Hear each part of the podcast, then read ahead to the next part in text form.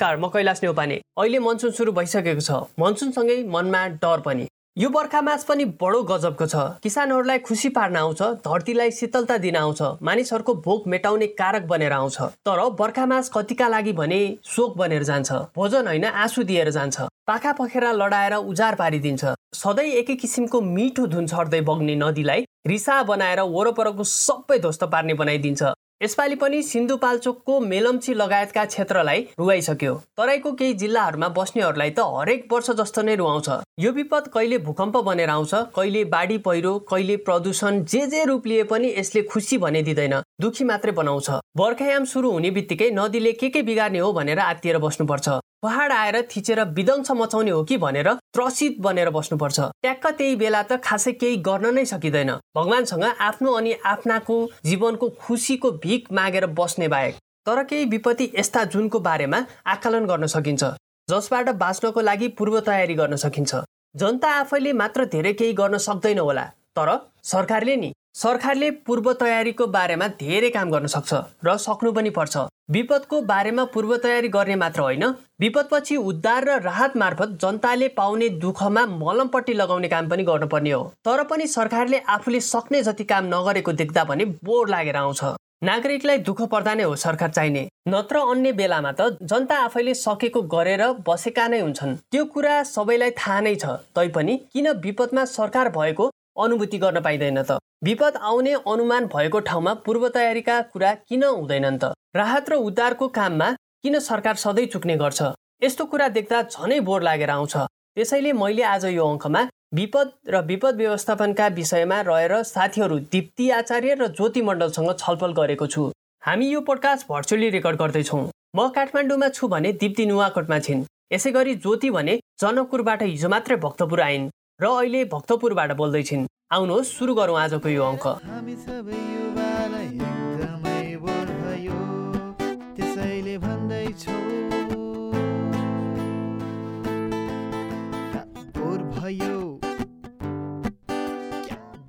भयो?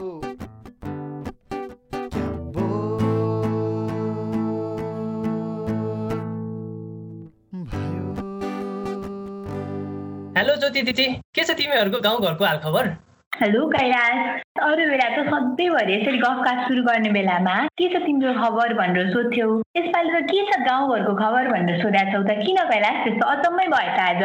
त्यही भन्ने यस्तो क्या साथीहरू अब सधैँ अब तिमीहरूको मात्रै अब खबर कति सोधिरहनु होइन? अब तिमीहरूकोसँग त गफ पनि भइरहेको हुन्छ। अब अहिले यसो मौसम हेर्ने हो भने चाहिँ अहिले मध्य बर्खाको समय छ होइन? त्यही भएर चाहिँ अब एकदम बाढी पहिरोको कुराहरू जताततै आइरहेछ नि त। अब बाढी पहिरोले यो प्राकृतिक विपदहरूले चाहिँ एकदमै वितण्ड मचाइरहेको खबरहरू सुनिरह भएर चाहिँ अब कस्तो रहेछ गाउँघरतिरको खबर भनेर पनि यसो बुझौँ भनेर साथीहरू।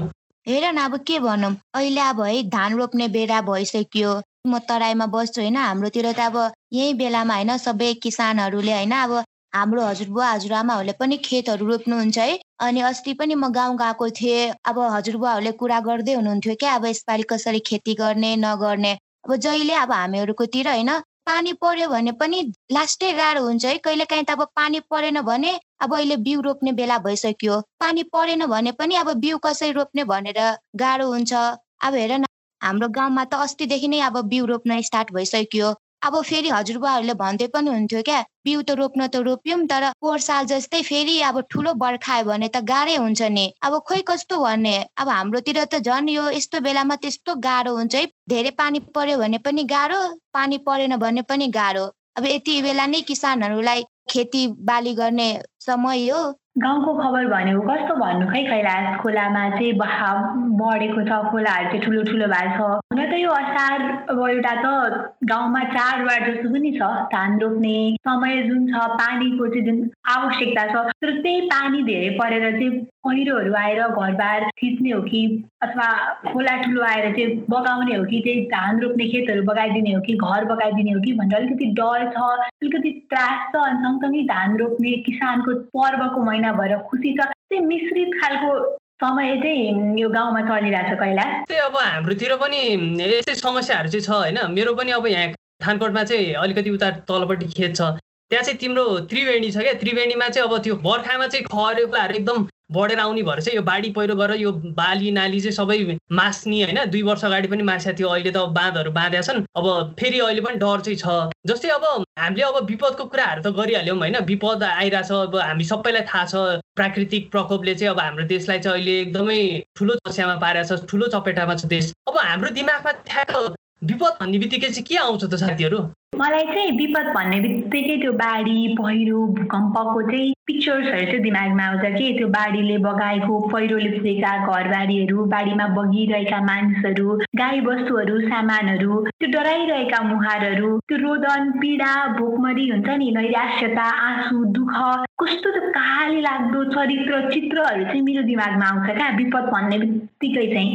खोइ अब यसलाई चाहिँ म कसरी तिमीलाई भनौँ? अब हेर न है यसरी पानी परेको बेलामा चाहिँ अब प्राय हामी सबैले सोध्छौँ नि होइन अब हेर न अब हाम्रै गाउँको कुरा गऱ्यौँ भने है अस्ति पालि पनि होइन कस्तो न्युजहरू सुनेको थिएँ होइन अनि मैले आफ्नै आँखाले देखेको पनि थिएँ गाउँ एरियातिर होइन अब अर्को गाउँबाट होइन त्यो पानीको वाहन बगेर हाम्रो गाउँतिर आएको थियो त्यति बेला पनि एकदम धेरै हाम्रो गाउँतिर अब होइन त्यता खोला नालालाई त्यो धार भन्ने गरिन्छ होइन अब त्यो धारहरू पुरै भरिसकेर होइन पानीले भरिसकेर त्यो सबै पानी होइन खेतमा जमेको थियो क्या। त्यति बेला चाहिँ अब खेती गर्न पनि एकदम धेरै गाह्रो भएको थियो होइन धान रोप्न पनि। अब कति धेरै किसानहरूले उब्जनी गरेर राखेका सामानहरू पनि धेरै बाढी पहिरोले गर्दाखेरि त्यो घर समेत बगाइदिने क्या। यो बाढी पहिरोले गर्दाखेरि गाँस सँगसँगै मान्छेको बाँसहरू पनि डुबाउँछ क्या। यो कुरा त अब मैले गाउँ एरियातिरकै भने होइन अब म अलि होइन जनकपुरमा बस्ने मान्छे अस्ति भर्खरै जनकपुरमा बस्ने मेरो साथीहरूले फेसबुकहरूमा स्टेटसहरू अनि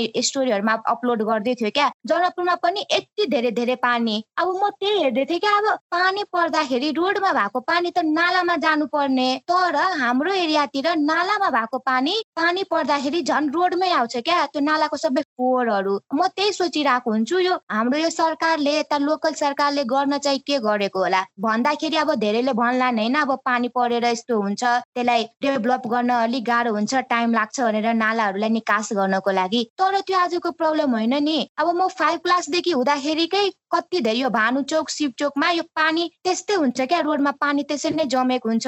अब हामीलाई स्कुल जान पनि एकदम धेरै गाह्रो हुन्थ्यो। अब काम गर्ने मान्छेलाई काम गर्नु नै पर्यो। अब त्यसरी गर्दाखेरि अब कति बेला त थाहा पनि हुँदैन नि त। रोडहरू पुरै पानीले छोपेको हुन्छ होइन? पानीले भरेको हुन्छ अनि अब कति ठाउँमा खाल्डोहरू हुन्छ। त्यसले गर्दा त कहिले काहीँ एक्सिडेन्टहरू पनि हुन्छ नि त। अब त्यसको रेस्पोन्सिबिलिटी चाहिँ कसले लिने? हेर न यसले गर्दाखेरि अब गाउँ एरियातिर एकातिर किसानहरू बिजोगमा हुन्छन् भनेदेखि सहर एरियातिर त्यो रोडमा पानी परेर गर्दाखेरि हामी जस्तो स्टुडेन्टहरू होइन आम जनताहरू जसले कामहरू गर्छन् दिनदिनै उनीहरूलाई भागदौड गर्नुपर्छ उनीहरूलाई एकदम धेरै गाह्रो हुन्छ। मेरो चाहिँ साथीहरू होइन विपद भन्ने चाहिँ म चाहिँ कस्तो लाग्छ विपदलाई मैले कसरी हेर्दा छु भने चाहिँ विपद भने चाहिँ एउटा यस्तो स्थिति हो होइन जुन बेलाको ज्यान धन र समाजलाई चाहिँ गम्भीर रूपमा चाहिँ यसले क्षति पुऱ्याउँछ होइन जसले गर्दाखेरि चाहिँ देशको ठुलो आर्थिक क्षति पनि हुन्छ। देशलाई ठुलो क्षति पुर्याउने चिज नै एउटा विपद हो जस्तो मलाई लाग्छ होइन? अब यो विपदलाई चाहिँ हामी दुई तरिकाले बेसिकली दुई तरिकाले हेर्न सक्छौँ। एउटा चाहिँ अब प्राकृतिक विपद भयो होइन? एउटा चाहिँ अप्राकृतिक जुन चाहिँ म्यानमेड पनि हुनसक्छ। जे जस्तो विपद भए पनि हामीलाई चाहिँ एकदमै ठुलो असरहरू पारेर हुन्छ क्या विपदले चाहिँ। जस्तै अब इक्जाम्पल लिउँ अहिले साथीहरूले बाढी पहिरो त भइहाल्यो त्यो प्राकृतिक विपद भयो होइन? अनि त्यो सँगसँगै अरू पनि विपदहरू हुनसक्छ क्या। जस्तै धुवा धुलो पनि यो बढ्नु होइन? यो पनि एउटा प्रदूषण हुनु पनि यो एउटा विपदै हो होइन? टेक्नोलोजिकल डिजास्टरहरू पनि अहिले धेरै कुराहरू चलिरहेछ। त्यो पनि भयो। अनि यो अहिलेको महामारी हामी जुन भोगिरहेछौँ नि होइन? यो कोरोना महामारी यो पनि एउटा ठुलो विपद हो होइन? त्यही भएर मैले चाहिँ विपदलाई चाहिँ यसरी हेरेको छु कि विपदले चाहिँ मान्छेको ज्यान धन पनि क्षति गराउँछ। अनि यसले समाजमा पनि एउटा ठुलो क्षति निम्त्याउँछ र देशलाई पनि ठुलो असर पार्ने चिज नै यो डिजास्टर हो। यो चाहिँ एउटा विपद हो। अब यति भन्दै गर्दाखेरि चाहिँ अब यो विपद छ नि यो प्रिडिक्टेबल र नन प्रिडिक्टेबल पनि हुन्छ क्या। चाहिँ अब साथीहरू यो डिजास्टरहरू होइन अब टेक्निकल डिजास्टर भए पनि होइन म्यानमेड डिजास्टर भनौँ या त प्राकृतिक प्रकोप जुन चाहिँ नेचरबाटै हुने डिजास्टरहरू यो सबैले चाहिँ हामीलाई एकदमै धेरै दुःख दिइरहेछ क्या। यो वर्षौँ अब कतिपय ठाउँमा त अब प्रायः जस्तो वर्षौँ वर्ष चाहिँ अब रिपिटेडली नै अब विपदहरू हुन्छ। जस्तै बाढी पहिरोको कुरा गर्ने हो भने तराईतिर अब जहिले पनि बाढीहरू हुन्छ होइन। पहाडी जिल्लाहरूमा होइन कतिपय जिल्लाहरूमा बाढी पहिरोहरू गइरहेको हुन्छ होइन? अब कतिपय ठाउँमा चाहिँ हामीले प्रिडिक्ट पनि गर्न सक्छौँ कतिपय ठाउँमा चाहिँ हामीले प्रिडिक्ट गर्न पनि सक्दैनौँ जस्तै कुनै कुनै विपदको भर चाहिँ हामीले प्रिडिक्टै गर्न सक्दैन क्या? जस्तै भूकम्प अब कहिले जान्छ भन्ने कुरा हामीले त्यति प्रिडिक्ट गर्न सक्ने अहिले अवस्था छैन तर बाढी पहिरो पनि हामी प्रिडिक्ट गर्न त सक्दैनौँ त रिसर्च त भएको हुन्छ नि त यो ठाउँ चाहिँ कमजोर छ यसको माटो यो चाहिँ जोखिमयुक्त बस्ती हो होइन? यसमा चाहिँ बाढी चाहिँ प्रायः जस्तो आइरहन्छ यो चाहिँ खोलाको छेउमा धेरै बाढी आउन सक्ने सम्भावना छ त भइरहेको हुन्छ मलाई चाहिँ के लाग्छ भनेदेखि यस्तो ठाउँहरू चाहिँ पहिचान गरेर चाहिँ सरकारले चाहिँ एकदमै प्रोएक्टिभ तरिकाले चाहिँ आफ्नो रोलहरू खेल्न पर्ने हो होइन? किनभने अब जहिले बाढी पहिरो जहिले बाढी पहिरो होइन? एक वर्ष होइन? दुई वर्ष होइन? खेतीबाली नाश गरेर छ घर सम्पत्ति मान्छेहरूको सबै तस नस बनाइदिएको छ होइन? यस्तो सधैँ यो रिपिटेडली हुनु त एकदम राम्रो होइन नि त। यसको त एउटा व्यवस्थापन गर्नुपर्ने हुन्छ। जसले गर्दाखेरि चाहिँ मलाई के लाग्छ भने सरकारले चाहिँ एकदमै प्रोएक्टिभ तरिकाले चाहिँ आफ्नो भूमिकाहरू खेल्नुपर्छ जस्तो लाग्छ। के लाग्छ साथीहरू? तिमीहरूलाई चाहिँ यसमा चाहिँ होइन? सरकारको रोल कस्तो हुनुपर्छ जस्तो लाग्छ? अब यो विपदको बेला सरकारको चाहिँ सबैभन्दा ठुलो रोल हुन्छ। सरकारले धेरै कुरा गर्न सक्छ। सरकारले चाहिँ त्यो प्रेडिक्टेबल विपदको कुराहरूमा गर्ने हो भने त्यो स्थानहरू चाहिँ पहिचान गरेर त्यहाँनिर चाहिँ पूर्व तयारीका कुराहरूदेखि लिएर धेरै कुराहरू चाहिँ गर्न सक्छ। सरकारको रोल त यसमा नगण्य छ। तर त्यो सँगसँगै कैलाश हामी सबै सरकारको मात्रै रोलको कुरा गरेर हुन्छ भने त्यहाँ अरू फ्याक्टर्सहरू पनि रेस्पोन्सिबल हुन्छन् क्या यस्तो कुराहरूमा। जस्तो हाम्रो यो कर्मचारीहरू जुन छन् ठेकेदारहरू जुन छन् त्यसले गर्दा पनि यो म्यानमेड विपदको जुन तिमीले कुरा गर्यौ नि तीहरू चाहिँ निम्ति रहेका छन् कि अब कर्मचारीहरू घुस खाइदिने अनि खाइदिएपछि त्यो मापदण्ड अनुसारको काम नगर्ने कि गलत काम गरिदिने। सरकारले त्यो त मापदण्ड बनाइदिएको हुन्छ नि। त्यो मापदण्डको परिपालना गर्ने गराउने काम भनेको त एउटा कर्मचारीको हो नि त सरकारले जुन एउटा कर्मचारी तन्त्रको व्यवस्था गरेको छ उनीहरूको काम हो नि त। त्यो परिपालना नगर्नु चाहिँ एउटा विपद निम्ति आउने एउटा कारण हो जस्तो लाग्छ कि मलाई जस्तो। अब हामीले देख्न सक्छौँ क्या भूकम्प पछि चाहिँ मापदण्ड अनुसार एउटा नयाँ मापदण्डहरू बनेको थियो होइन। त्यो अनुसारका घरहरू बनाउनु पर्ने थियो। तर बिचमा के भइदिन्छ भने सरकारले एउटा मापदण्ड बनाएको छ। त्यो अनुसारको नक्सा बन्छ। नक्सा एक थरी बन्छ घर अर्कै थरी बन्छ। त्यहाँनिर रोल कसको हुन्छ? त्यहाँ बिच बिचका कर्मचारीहरूको रोल हुन्छ। ती कर्मचारीहरूले गर्दाखेरि चाहिँ म्यानमेड विपदहरू चाहिँ आइरहेको छ। अनि अर्को भूमिका भने चाहिँ ठेकेदारहरूको के? जस्तो ठेकेदारहरू पनि पैसाको लोभमा आएर चाहिँ कमसल खालका सामानहरू चिप मटेरियल्सहरू युज गरेर चाहिँ संरचनाहरू बनाइदिने। त्यो गर्दाखेरि चाहिँ हरेक वर्ष बाढीले कति धेरै पुलहरू चाहिँ बगाइरहेको हुन्छ हामीले त्यो देख्न सक्छौँ। त्यही भएर ठेकेदारले अब वालहरू लगाएको कुरा हेरौँ होइन। अब पाहाडमा नर्मली मैले देखेको म पाहाडमा जन्मेको होसेको मान्छे भएर पाहाडमा चाहिँ विभिन्न वालहरू लगाएर हुन्छ विपद रोक्नका लागि पहिरो नजाओस् भनेर। तर त्यहीँनिर चाहिँ सामान चाहिँ नराम्रो हालिदिन्छ क्या अब त्यसले गर्दा चाहिँ म्यानमेड विपदहरू चाहिँ निम्ताइरहेको हुन्छ त्यही भएर यो विपदमा चाहिँ सरकार सँगसँगै सरकारको त सर्टेन रोल्सहरू छँदैछ त्यो सबैभन्दा ठुलो रोल सरकारकै छ? तै पनि त्यो हुँदाहुँदै पनि सेकेन्डरी रोल्सहरू जुन हुन्छ कर्मचारीका ठेकदारका यिनीहरूका रोलहरू पनि छन् कि? मैले अघि पनि भनिहालेँ होइन? यी रोलहरू पनि मलाई चाहिँ पुरा हुनुपर्छ जस्तो लाग्छ के?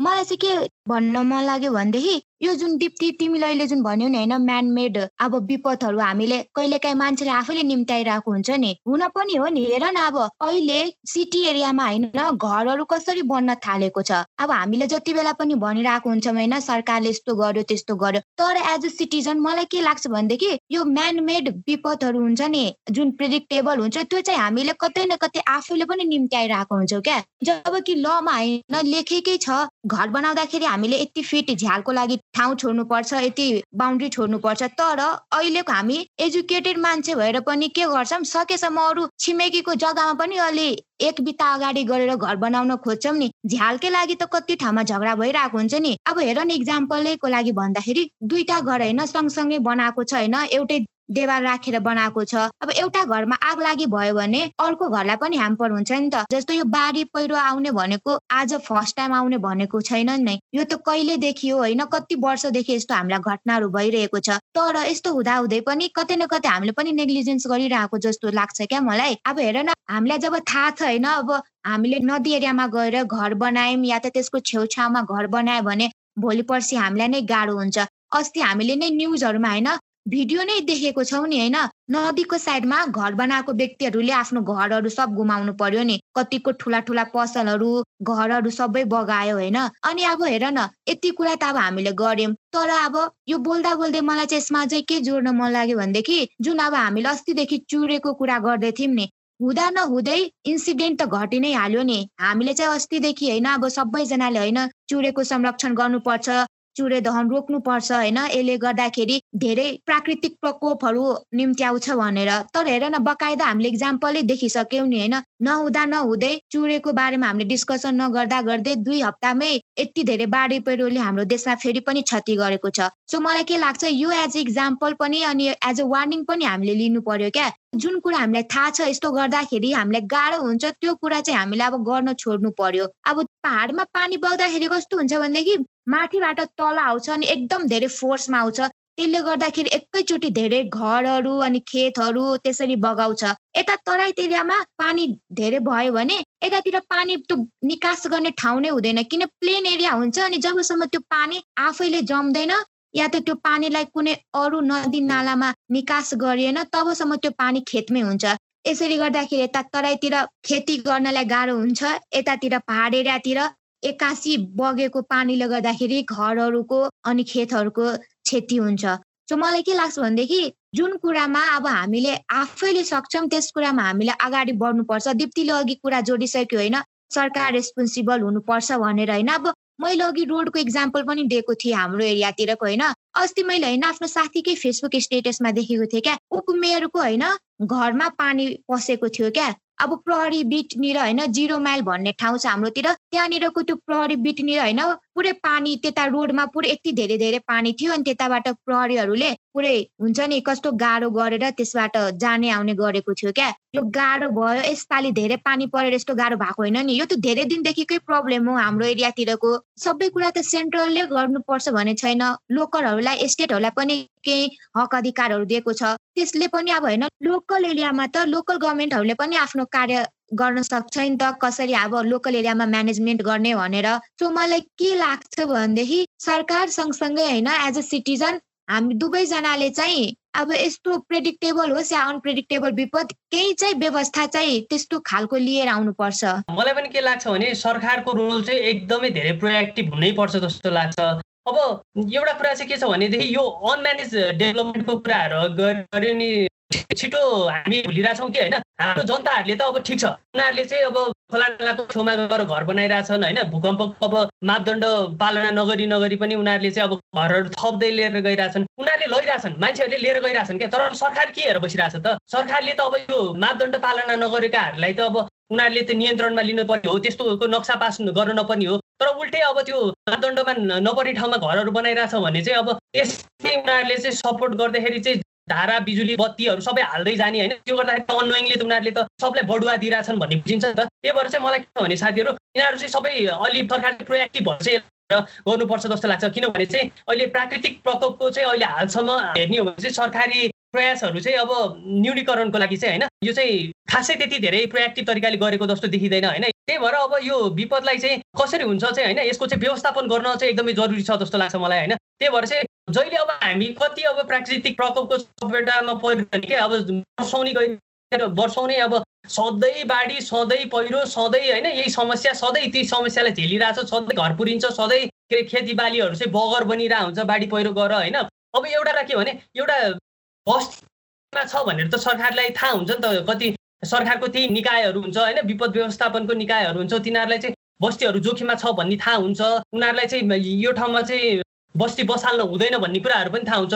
तर अब त्यो थाहा हुँदा हुँदै पनि अब उसमा चाहिँ राम्ररी आफ्नो निमाउँदाखेरि चाहिँ यो विपदहरू चाहिँ झनै धेरै उग्र रूपमा चाहिँ गइरहेको हो कि विपदले चाहिँ धेरै क्षतिहरू पुऱ्याएको हो कि जस्तो मलाई लाग्छ। त्यही भएर चाहिँ जसरी भए पनि मलाई चाहिँ के लाग्छ भने यसको व्यवस्थापन चाहिँ गर्नु पऱ्यो क्या? कि कसो साथीहरू? अब गभर्मेन्ट चुकेर अरू सबै सेकेन्डरी फ्याक्टर्सहरू चुक्या हुन् भन्ने कुरा चाहिँ हामीले थाहा पाइहाल्यौँ तिम्रो कुराले होइन? त्यही भएर यो विपद व्यवस्थापन गर्नलाई सबैभन्दा पहिला चाहिँ रेस्पोन्सिबल हुनुपर्ने भनेको सरकार हो। अब हेर सबैमा सरकारले अब गर्नै सक्छ भन्ने त छैन तर जुन प्रेडिक्टेबल खालको विपदहरू हुन्छ नि तिनीहरूमा त सरकारले एकदम धेरै कुरा गर्न सक्छ नि। त अनप्रेडिक्टेबल विपद छ भने त्यहाँनिरका एस्पेक्ट्सहरू छुट्टै होला अलिकति गाह्रो होला। तर नेपालको अब एउटा अलिकति इतिहास खेलाउनु पऱ्यो सरकारले। कहाँनिर चाहिँ कसरी कसरी चाहिँ विपद आइरहेको छ त। के के रिजनले आइरहेको छ त? त्यो पत्ता लगाउनु पऱ्यो जस्तो। सिन्धुपाल्चोकमै चाहिँ हामीले एज इक्जाम्पल लिन सक्छौँ होइन? जस्तो। त्यो ठाउँ चाहिँ दुई हजार बहत्तर सालदेखि चाहिँ हरेक वर्ष चाहिँ कुनै न कुनै रूपको विपदले चाहिँ शिकार भइरहेछ अब हाम्रो तराईकै कुरा गर्ने हो भने पनि हरेक वर्ष बाढी आएर मान्छेको जनधनको क्षति भइरहेछ घर बगाइरहेछ। त्यही भएर? सरकारले पहिला सुरु चाहिँ अलिकति सर्वे गर्नु पर्यो सरकार चुक्नु भएन। अब यसमा चाहिँ पूर्व तयारीका कुराहरू गर्नु पर्यो कि त्यसमा हामीले सर्टेन कुरा चाहिँ गर्न सक्छौँ जस्तो। एउटा चाहिँ define define jurisdictional roles and रेस्पोन्सिबिलिटिजहरू चाहिँ दिनु पऱ्यो होइन? कुनै पनि एउटा एजेन्सीलाई स्पेसिफिक एजेन्सीलाई चाहिँ त्यो डिफ्रेन्ट डिफ्रेन्ट लेभलमा चाहिँ एउटा रोलहरू चाहिँ असाइन गरिदिनु पऱ्यो कि? त्यो भयो भने चाहिँ कुन ठाउँमा चाहिँ कुन निकायले हेर्ने भन्ने पहिले क्लियर हुन्छ अनि त्यो निकायले पहिलेबाट त्यो ठाउँमा चाहिँ ध्यान दिन थाल्छ। त्यो ठाउँ चाहिँ अलिकति विपदको शिकार हुने ठाउँ छ है भन्ने चाहिँ त्यो एजेन्सीलाई थाहा हुन्छ। त्यो हुँदाखेरि चाहिँ सब सबै त्यो उसको ध्यान चाहिँ यस्तै कुरामा मात्रै जान्छ। अनि अर्को भने चाहिँ जुन लोकल अथोरिटिजहरूले चाहिँ एक्सन लिनु पऱ्यो क्या त्यो लिएका एक्सन्सहरूलाई चाहिँ नेसनल गभर्मेन्ट अथवा नेसनल एजेन्सीहरूले चाहिँ मोनिटर चाहिँ गरिदिनु पर्यो तर त्यही जुन एरियामा चाहिँ विपद धेरै भइरहेछ त्यही एरियाको चाहिँ एजेन्सिजहरूले चाहिँ एक्सन चाहिँ त्यहाँबाट लिने खालको व्यवस्था मिलाउनु पर्यो अनि अर्को पूर्व तयारीकै कुरा गर्दाखेरि चाहिँ विपद व्यवस्थापनका लागि चाहिँ मैले अघि पनि भने एउटा सर्वे गर्नु पर्यो कुन कम्युनिटी रिस्कमा छ त त्यो त रिसर्च गर्न सक्छ नि त एउटा। नेपाल त्यस्तो धेरै ठुलो देश छैन क्या। अलिकति सर्टेन म्यान पावर चाहिँ सरकारले खटाउने हो भने पनि हरेक वर्ष जति चाहिँ विपदहरू आइपरिरहेको हुन्छन् त्यो मध्येका सर्टेन विपदहरू व्यवस्थापनका लागि चाहिँ सजिलो हुन्छ। अर्को भने चाहिँ यो जुन प्रोएक्टिभ म्यान पावरको हो भन्ने कुरा चाहिँ जनतालाई पनि अलिकति इन्फर्मेसन दिनु पर्यो जस्तो। बाहिर बाहिरको कन्ट्री इक्जाम्पल दिन सक्छौँ। युएसले चाहिँ एउटा वेबसाइटै बनाएर राख्दा हुन्छ के? यो खालको विपदमा चाहिँ एजेन्सीले हेर्छ। सो द्याट मान्छेले चाहिँ त्यो खालको विपदहरू आउने सम्भावना छ भने चाहिँ त्यो एजेन्सीलाई चाहिँ हामी कम्युनिटीको मान्छे सेल्फले नै चाहिँ अवेर गराइदिन्छौँ होइन? अनि अर्को कुरा भने चाहिँ पूर्व तयारीकै कुरा गर्दा चाहिँ एउटा साइकल हुन्छ कि त्यो साइकल बुझ्नु पऱ्यो डिजास्टर म्यानेजमेन्ट साइकल भन्ने हुन्छ होइन? त्यसमा चाहिँ मिटिगेसन प्रिपेयर्डनेस रेस्पोन्सेस र रिकभरीको चाहिँ यो एउटा फेज हुन्छ कि यो फेज चाहिँ राम्रोसँग बुझेर यसमा चाहिँ अलिकति सरकारसँग भएका जति जनशक्तिहरू छन् त्यसको थ्रुबाट सरकारले चाहिँ यो फेज बुझेर कदमहरू चाल्यो भने चाहिँ पूर्व तयारी गर्न चाहिँ सजिलो हुन्छ। कति धेरै कुराहरू छ कि गर्न सक्ने एज अ म त भर्खर बिस एक्काइस वर्षको एउटा स्टुडेन्टले त अलिकति रिसर्च गर्ने बित्तिकै यस्तो गर्न सकिँदो रहेछ भन्ने थाहा हुने रहेछ होइन पहाडको कुरा गर्ने हो भने हरेक वर्ष पहिरो जान्छ नि अनि हामीले अलिकति एकचोटि एड गरौँ त पहिरो जानुको कारण के भइरहेछ त अब हरेक ठाउँ ठाउँमा रोड पुर्याउने भनेर चाहिँ जुन तरिकाले अन्नाने तरिकाले रोडहरू खनिरहेछ नि त्यसपछि चाहिँ पहिरोको सम्भावना चाहिँ धेरै बढेको छ। त्यो जङ्गलको भित्रबाट रोड लगाएछ त्यो रोड लगाएपछि जङ्गलका रुखहरू कटानी भएको छ। त्यो भएपछि त्यो रुखले समातेका माटोहरू चाहिँ खुकुलो भएको छ। त्यही भएर चाहिँ पहिरो जाने सम्भावना बढिरहेको अब प्लान्टेसनमा पनि अलिकति चाहिँ कन्सर्न देखाउनु पर्यो सरकारले। अनि अर्को अघि हामीले भने जस्तै अर्बन प्लानिङमा पनि सरकारले चाहिँ आफ्नो कन्ट्रिब्युट गर्नु पर्यो। एउटा कुनै पनि सिटी प्लान भइरहेछ भने त्यहाँनिर चाहिँ सर्टेन विपदहरू भोलि आइपर्छ कि भन्ने त्यही पाराले चाहिँ प्लान गर्नु पर्यो होइन। अब जस्तो दुई हजार बहत्तर सालको भूकम्पको कुरा गरौँ न त्यसले चाहिँ अझैसम्म पनि कति मान्छेहरू चाहिँ सफर्ड भइरहेछन्। अनि हामी चाहिँ एकचोटि टर्कीलाई हेरौँ कि टर्की भनेको हाम्रो एसियाको एउटा कन्ट्री अब त्यो कन्ट्रीमा चाहिँ दुई हजार दसदेखि चाहिँ लगभग यो दस वर्षको अन्तरालमा ठुला भूकम्पहरू नै लगभग पन्ध्रचोटि आएको रहेछ क्या। हाम्रो कन्ट्रीमा टु थाउजन्ड सेभेन्टी टूमा एकचोटि भूकम्प आउँदाखेरि चाहिँ आजसम्म पनि इम्प्याक्ट पाइरहेको छ। त्यो कन्ट्रीमा चाहिँ दस वर्षमा पन्ध्रचोटि जति भूकम्प आउँदा पनि त्यो कन्ट्रीको अवस्था के छ? सिक्नु पऱ्यो क्या सरकारले।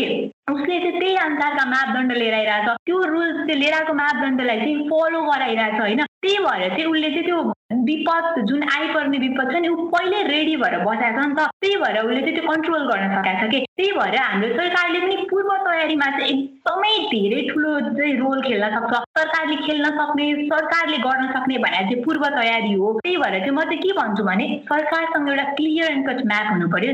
जहाँनिर चाहिँ हाम्रो देशभित्र चाहिँ कुन कुन ठाउँहरू चाहिँ यस्ता विपदहरूले चाहिँ शिकार हुन सक्छन्। कुन कुन ठाउँमा चाहिँ नेचुरल क्यालामिटिजहरू अब ल्यान्डस्लाइड्सहरू फ्लडहरू आउने चान्सेस छ भनेर त एउटा सर्वे गराउन त सक्छ नि त धेरै दक्ष जनशक्ति छन् हाम्रा देशमा। अब उनीहरूले त्यो गरेर सरकारले चाहिँ त्यही अनुसारका प्रि प्लान्ड कदमहरू चाहिँ चाल्नु पर्यो भनेर भन्छु त विपद व्यवस्थापन गर्ने सबैभन्दा महत्त्वपूर्ण तरिका भनेकै पूर्व तयारी हो। दिप्ती र कैलाशले भनेको कुरा मलाई एकदम ठिक लाग्यो। रिलिफ रेस्पोन्सको कुरा भन्दाखेरि प्रेडिक्टेबल होस् या अनप्रेडिक्टेबल विपद हाम्रो गभर्मेन्टले चाहिँ दुवैमा क्विक रेस्पोन्स गर्न सक्नुपर्छ। अब इक्जाम्पलकै लागि हेरौँ न अस्तिको बजेट भाषणमा होइन एजुकेसनको लागि हेल्थको लागि यति यति धेरै लोन दिने यति यति धेरै बजेट छुट्याएको छ। तर यो बाढी पहिरो आउने होइन। अब यस्तो अवस्थाहरूको लागि पनि त गभर्मेन्टले बजेट छुट्याउनु पर्यो नि। हो गभर्मेन्टले बजेट छुट्याएको छ। तर त्यो छुट्याएको बजेटले यस्तो आपद विपद पर्दाखेरि पुग्छ कि पुग्दैन त्यो पनि गभर्मेन्टले सोच्नु पर्यो नि। किनभने अब ए यो बाढी पहिरो त यो सर्टेन ठाउँमा मात्र आउँछ त्यता राहत दिँदा पुगिहाल्यो नि। तर इमेजिन गरौँ न यदि तराईमा होइन जसलाई अब हामीले अन्नको भण्डार भन्छौँ यदि त्यो तराई एरियामा यदि कुनै वर्ष राम्रोसँग यदि खेती भएन भने पुरै नेपालमा बसेको जनतालाई गाह्रो हुन्छ नि त खाद्यान्नको लागि। अब त्यस्तै गभर्मेन्टले चाहिँ के सोच्नु पर्यो?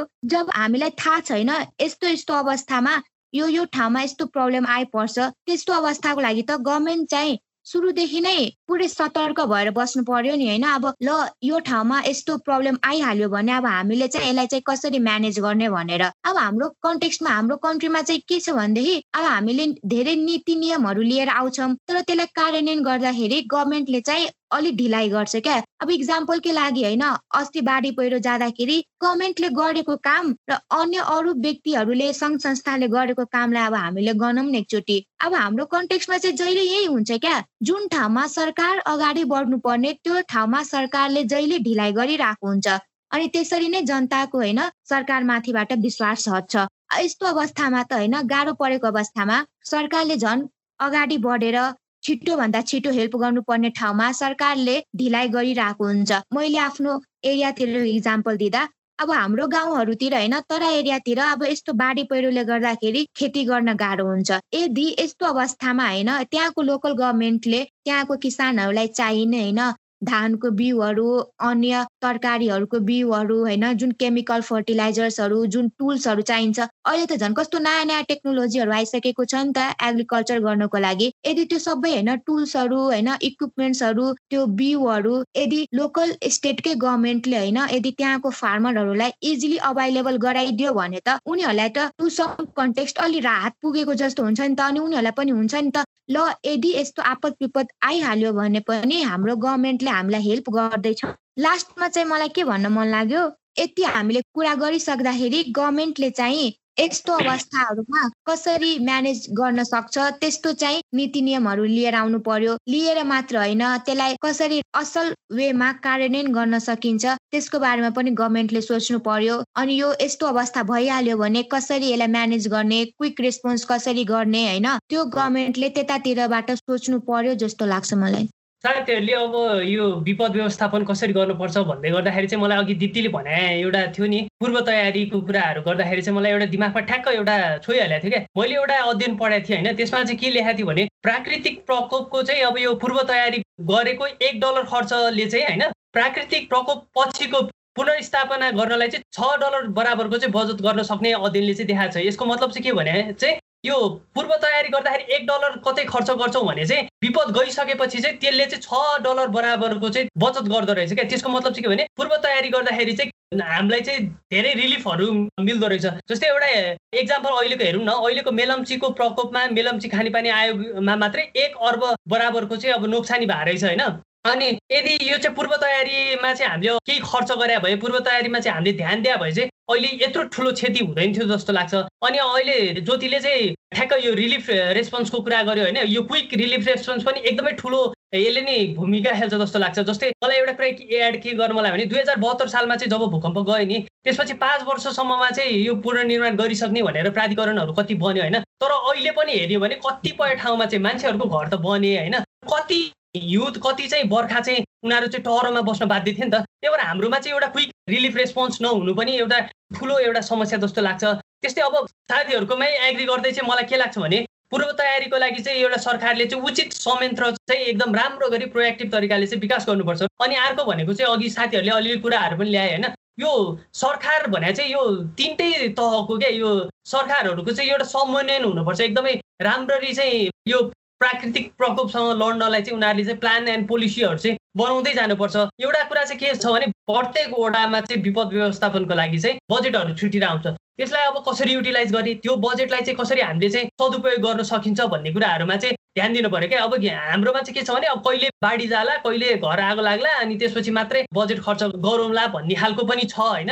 अब कतिमा त गरिरहेको पनि होलान्। त्यही भएर चाहिँ मलाई के लाग्छ भने हाम्रो मुख्य महत्त्वपूर्ण कुरा भने चाहिँ साथीहरूले भने जस्तै प्राकृतिक प्रकोपबाट लड्नलाई चाहिँ एकदम प्रोएक्टिभ भएर चाहिँ सरकारहरू लाग्नुपर्छ जस्तो लाग्छ। जस्तै अहिले हेर्ने हो भने पनि सात आठवटा त अब झोलिङ्गे पुलहरू होइन अनि दुईवटा अब गाडी गुड्ने पुलहरू नै सयौँ घरहरू अनि हजारौँ हेक्टर खेतीयोग्य जमिनहरू होइन हजारौँ हेक्टर अब सिँचाइ गर्ने कुलो सडक संरचना होइन यो सबै टुट्या छ नि त। अहिले त यो सबै बिग्रिरहेछ होइन? त्यही भएर चाहिँ अब के गर्नुपर्छ भने विपद पछि चाहिँ होइन यो सान्त्वनाको लागि चाहिँ गरिएको राहत वितरणले तत्काल राहत त मिल्छ होइन? तर अब यसको लागि चाहिँ दीर्घकालीन एकदम लङ टर्म चाहिँ भिजनहरू प्लानहरू गर्नु पऱ्यो क्या। जस्तै विपद गइरहेछ नि जहाँ जहाँ गइरहेछ अघि साथीहरूले प्रिडिक्टेबल नन प्रिडिक्टेबल कहाँ चाहिँ विपद जान सक्छ भन्ने कुराहरू गरे कहाँ चाहिँ थाहा नै हुँदैन भन्ने जस्तो कुराहरू गरे। अघि टर्कीको अमेरिकाको इक्जाम्पलहरू पनि आयो होइन? त्यसै गरी नै मलाई चाहिँ के लाग्छ भने सरकारले चाहिँ अब दीर्घकालीन रूपमा चाहिँ एउटा प्लान एन्ड पोलिसीहरू बनाउनु पऱ्यो क्या। जसले गर्दाखेरि चाहिँ क्विक रेस्पोन्सहरू दिन सकियोस् होइन। जसले गर्दाखेरि चाहिँ क्षति एकदमै कम न्यूनीकरण गर्दै जान सकियोस्। किनभने यो धन ज्यानको क्षतिहरू त एकदमै भइरहेछ नि त। यसमा सम्पत्तिको क्षतिहरू भइरहेछ। मान्छेले कत्रो दुःख गरेर बनाइरहेको हुन्छ संरचनाहरू होइन? घरहरू बनाइरहेको हुन्छ एउटा सपना हुन्छ मान्छेको। त्यो चाहिँ सबै यो वर्ष्यौनी बाढी आउने वर्ष्यौनी पहिरो जाने गर्दाखेरि सपनाहरू नै मारिरहेछ नि त यो चिजहरूले। त्यही भएर चाहिँ मलाई के लाग्छ भने वैज्ञानिक तवरले चाहिँ अब व्यवस्थापन गर्नुपर्छ क्या? यो वैज्ञानिक तवरले चाहिँ व्यवस्थापन गर्न नसक्दा चाहिँ थुप्रै घटनाहरू चाहिँ अब बढिरहेछ होइन? अझै पनि बढ्दै जान सक्ने चाहिँ मैले देखाएको छु। त्यही भएर अहिले नै अलर्ट भएर अब चाहिँ विगतको पाठहरू सिक्दै चाहिँ होइन कसरी व्यवस्थापन गर्न सकिन्छ भन्ने कुरामा चाहिँ नागरिक तवरबाट पनि सरकारी तवरबाट पनि हामीले चाहिँ त्यसलाई चाहिँ एकदमै प्रोएक्टिभ तरिकाले एकदमै ठ्याक्कै लिएर चाहिँ मनमा लिएर चाहिँ काम गर्नुपर्छ जस्तो लाग्छ। मैले अघि पूर्व तयारीका कुराहरू गरेँ होइन? अब ज्योतिले रिलिफ रेस्पोन्सका कुराहरू पनि केही गराएछ मलाई पनि यसमा अलिकति केही कुरा गर्न मन लाग्यो। त्यही भएर मैले थपिहालेँ। अब रिलिफ रेस्पोन्सको कुरा गर्दाखेरि चाहिँ यो विपदलाई व्यवस्थापन गर्नको लागि स्पेसल्ली अनप्रेडिक्टेबल विपदहरू जुन हुन्छन् त्यो व्यवस्थापनका लागि चाहिँ रिलिफ रेस्पोन्स भनेर चाहिँ it is one of the major factor के? तर हामी चाहिँ यो कुरामा चुकिरहेछौँ क्या जस्तो हाम्रो गभर्मेन्ट चाहिँ कुनै पनि विपद भइसकेपछि चाहिँ अलिकति पुग्नलाई ढिला गर्छ। पुग्दै पुगेको छैन भन्ने खालका कुराहरू त गर्न मिल्दैन गभर्मेन्ट पुगेको छ तर त्यो पुग्नलाई ढिला हुन्छ। जस्तो आर्मी पनि गएकै छ नेताहरू पनि हेलिकप्टर चढेर गएकै छन् होइन? तर कति बेला पुग्ने त? अब कहिले काहीँ त यस्तो हेर्ने हो भने आर्मीभन्दा पहिला नेताहरू चाहिँ गभर्न गर्न भनेर हेलिकप्टरमा चाहिँ पुगिसकेका हुन्छन् कि। त्यो विपदको बेला भने त अनुगमन मात्र गर्न जाने बेला होइन। नि त सरकार त त्यहाँनिर त एउटा क्विकली चाहिँ रेस्पोन्स गर्नलाई त्यहाँनिर चाहिँ रिलिफ त्यहाँको मान्छेहरूलाई चाहिँ सहयोग गर्नलाई क्विकली पुग्नु पर्ने कुरा हुन्छ। अझ कतिपय परिप्रेक्ष्यमा हेर्ने हो भने त सरकार यदि ढिला पुगिरहेको हुन्छ। त्योभन्दा पहिला त अरू मान्छेहरू पुगेर हुन्छन् क्या। अब भन्ने बित्तिकै केन्द्रबाट सरकार त्यहाँनिर जब जहाँ विरोध भएको छ त्यहाँ पुग्न नसक्ला। तर स्थानीय तहमा चाहिँ सर्टेन मान्छेहरूलाई चाहिँ भलिन्टियरको रूपमा राख्न सक्छ। होइन ट्रेन गराउन सक्छ। त्यसरी चाहिँ रिलिफ रेस्पोन्सको पाटोमा पनि सरकार अलिकति स्ट्रङ बन्यो भने चाहिँ त्यो विपदलाई चाहिँ व्यवस्थापन गर्न सकिन्छ। जस्तो लाग्छ क्या मलाई चाहिँ। साथीहरू आज हामीले धेरै कुराहरू गऱ्यौँ। रिलिफ रेस्पोन्सका कुराहरू गऱ्यौँ होइन? पूर्व तयारीका कुराहरू गऱ्यौँ। विपदलाई हामीले कसरी व्यवस्थापन गर्न सकिन्छ भन्ने कुराहरू लगायत हामीले सरकारको रोल कस्तो हुनुपर्छ विपद व्यवस्थापन गर्नको लागि सरकार कहाँनिर चुकिरहेछ भन्ने कुराहरूदेखि लिएर गएर थुप्रै कुराहरू गऱ्यौँ। अब पनि हामीले चाहिँ पूर्व तयारीलाई व्यवस्थित र वैज्ञानिक तवरले चाहिँ व्यवस्थापन नगर्ने हो भने चाहिँ यस्ता थुप्रै घटनाहरू चाहिँ हामीले धेरै वर्षसम्म भोगिरहनु पर्छ जस्तो मलाई लाग्छ होइन? त्यसैले मेलम्ची लगायतको अरू थुप्रै ठाउँहरूबाट पनि हामीले धेरै पाठहरू सिक्नुपर्छ। त्यस्तै साथीहरू हामीले विपदलाई भुल्नु हुँदैन क्या। विपद व्यवस्थापन प्राकृतिक स्रोत साधनहरूको चाहिँ हामीले संरक्षण गर्नुपर्छ। सरकारलाई चाहिँ हामीले चाहिँ यो संरक्षण गर होइन? विपद व्यवस्थापनको लागि चाहिँ प्रोएक्टिभली काम गर भनेर चाहिँ दबाबहरू दिन छोड्नु हुँदैन प्रश्न गर्न छोड्नु हुँदैन। त्यस्तै हामीले यदि यसमा चाहिँ हामीले चासो दियौँ होइन विपद व्यवस्थापनमा चासो दियौँ प्रश्न गर्न थाल्यौँ भने चाहिँ अवश्य पनि एक दिन चाहिँ अघि साथीहरूले भने जस्तै टर्की अमेरिकाको जस्तै रिलिफ रेस्पोन्सको कुराहरूदेखि लिएर गएर हरेक कुराहरूमा चाहिँ हामी अगाडि बढ्न सक्छौँ जस्तो मलाई लाग्छ। यति भन्दै आज हामी चाहिँ बिदा हुन चाहन्छौँ। यदि तपाईँहरूलाई चाहिँ हाम्रो यो पोडकास्ट क्या बोर भयो राम्रो लागेको छ भने चाहिँ तल रहेको कमेन्ट बक्समा चाहिँ सल्लाह सुझाव दिन नभुल्नुहोला अनि आफ्नो साथी भाइहरूलाई पनि अवश्य सेयर गर्नुहोला। यति भन्दै म आज यहाँबाट बिदा हुन चाहन्छु धन्यवाद। देशको हालत देखेर हामी सबै युवालाई एकदमै बोर भयो। त्यसैले भन्दैछौ बोर भयो? क्या बोर भयो?